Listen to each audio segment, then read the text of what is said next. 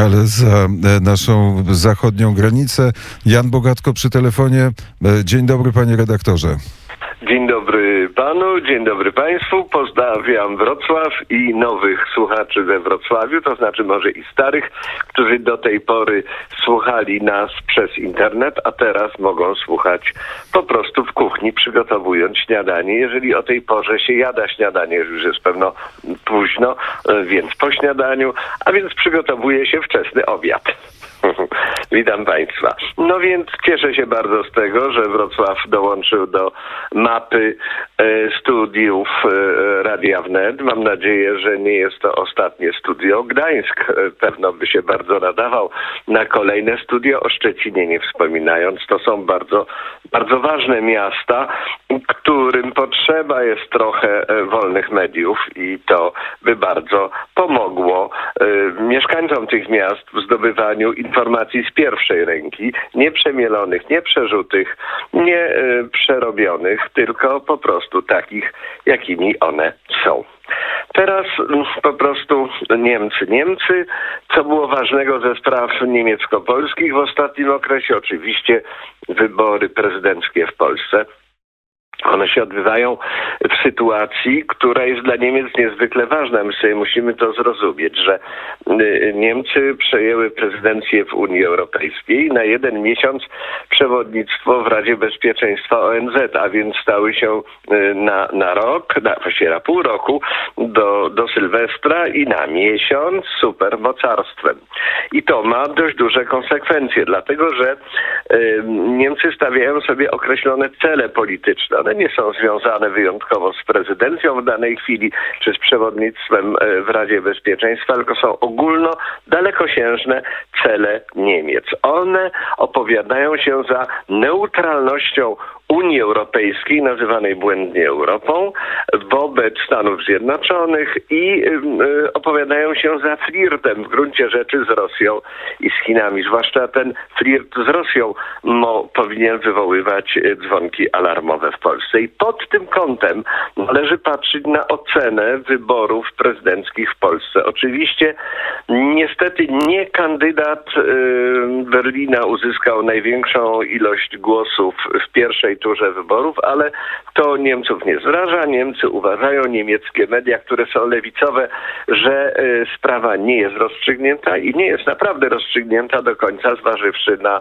y, wyniki sondaży, że Trzaskowski, który teraz przedstawiany jest jako liberał, no niedawno mówiono, mówiono w Niemczech o partii Platforma Obywatelstwa, Obywatelska konserwatyści, no teraz oczywiście nikt nie bierze tego słowa do ust, bo to się z czymś brzydkim kojarzy, może się nie daj Boże skojarzyć na przykład z Trumpem i to oczywiście byłoby bardzo niedobre. Mogłoby się skojarzyć z sankcjami na Nord Stream 2, a to jest przecież wielki projekt rosyjsko-niemiecki o charakterze europejskim, demokratycznym, liberalnym i jak to powiedział, zdaje się, kandydat na prezydenta w Polsce, pan Trzaskowski, nie jest to projekt polityczny, a jest to projekt wyłącznie gospodarczy. No więc już wiemy, w jakim kierunku to wszystko y, przebiega.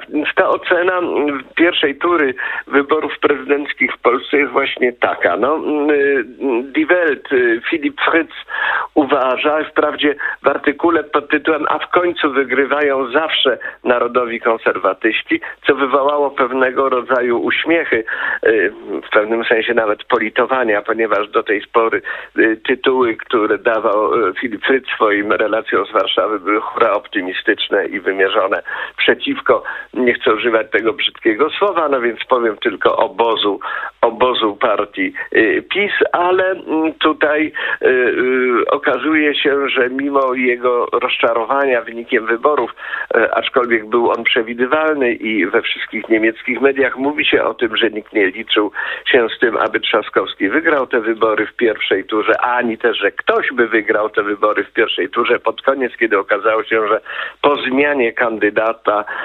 Platformy Obywatelskiej po prostu jej kandydat ma duże szanse na zwycięstwo wyborcze.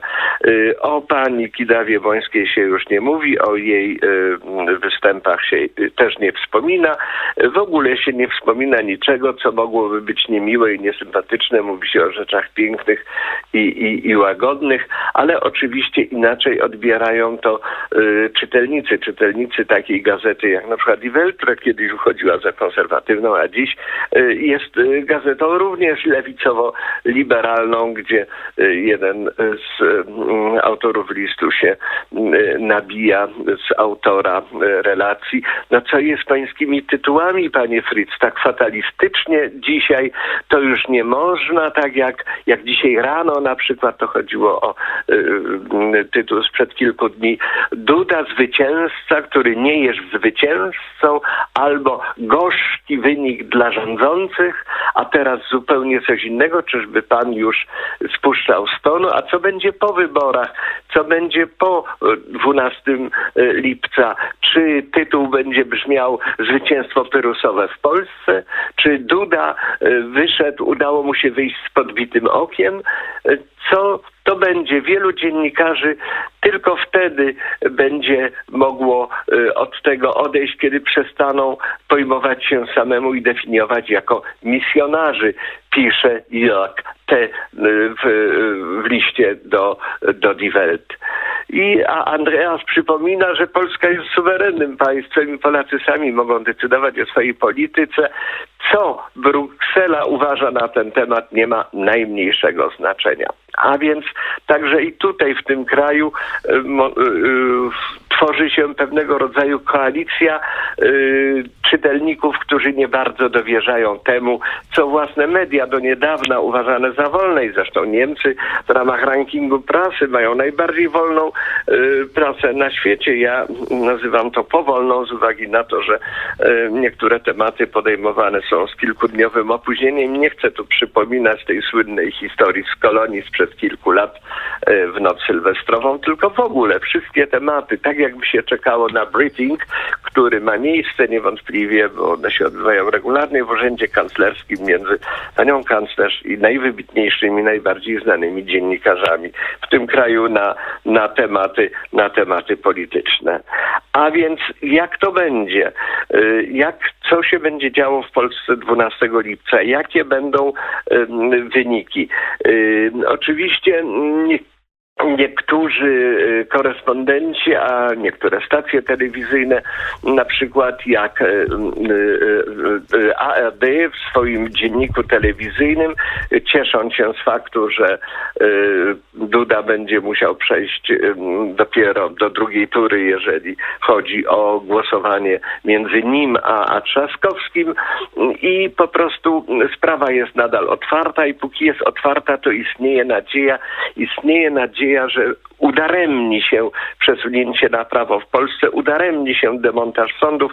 Przecież w końcu Trzaskowski obiecał, że jak te wybory wygra, to wycofa tę kontrowersyjną, jak to się mówi w Niemczech, e, reformę wymiaru sprawiedliwości i wszystko wróci do starego, wszystko będzie po europejsku. A tymczasem co robi Duda? Mówi ARD i mówi Tagesschau, zabiega o wyborców z prawicowego spektrum wskazując tutaj na, Bosa, na Bosaka, oczywiście nie wspominając o tym, że i pan Trzaskowski o tę publiczność zabiega, bo wybory mają to do siebie, że wybiera się kogoś, kto zgromadzi wokół siebie najwięcej głosów i wybory nie są plebiscytem w tym sensie, że wybiera się najwspanialszego, najlepszego. Jeżeli zgadza się z kimś na 51%, to się głosuje na niego, a jeżeli nie, to się głosuje na kogoś innego.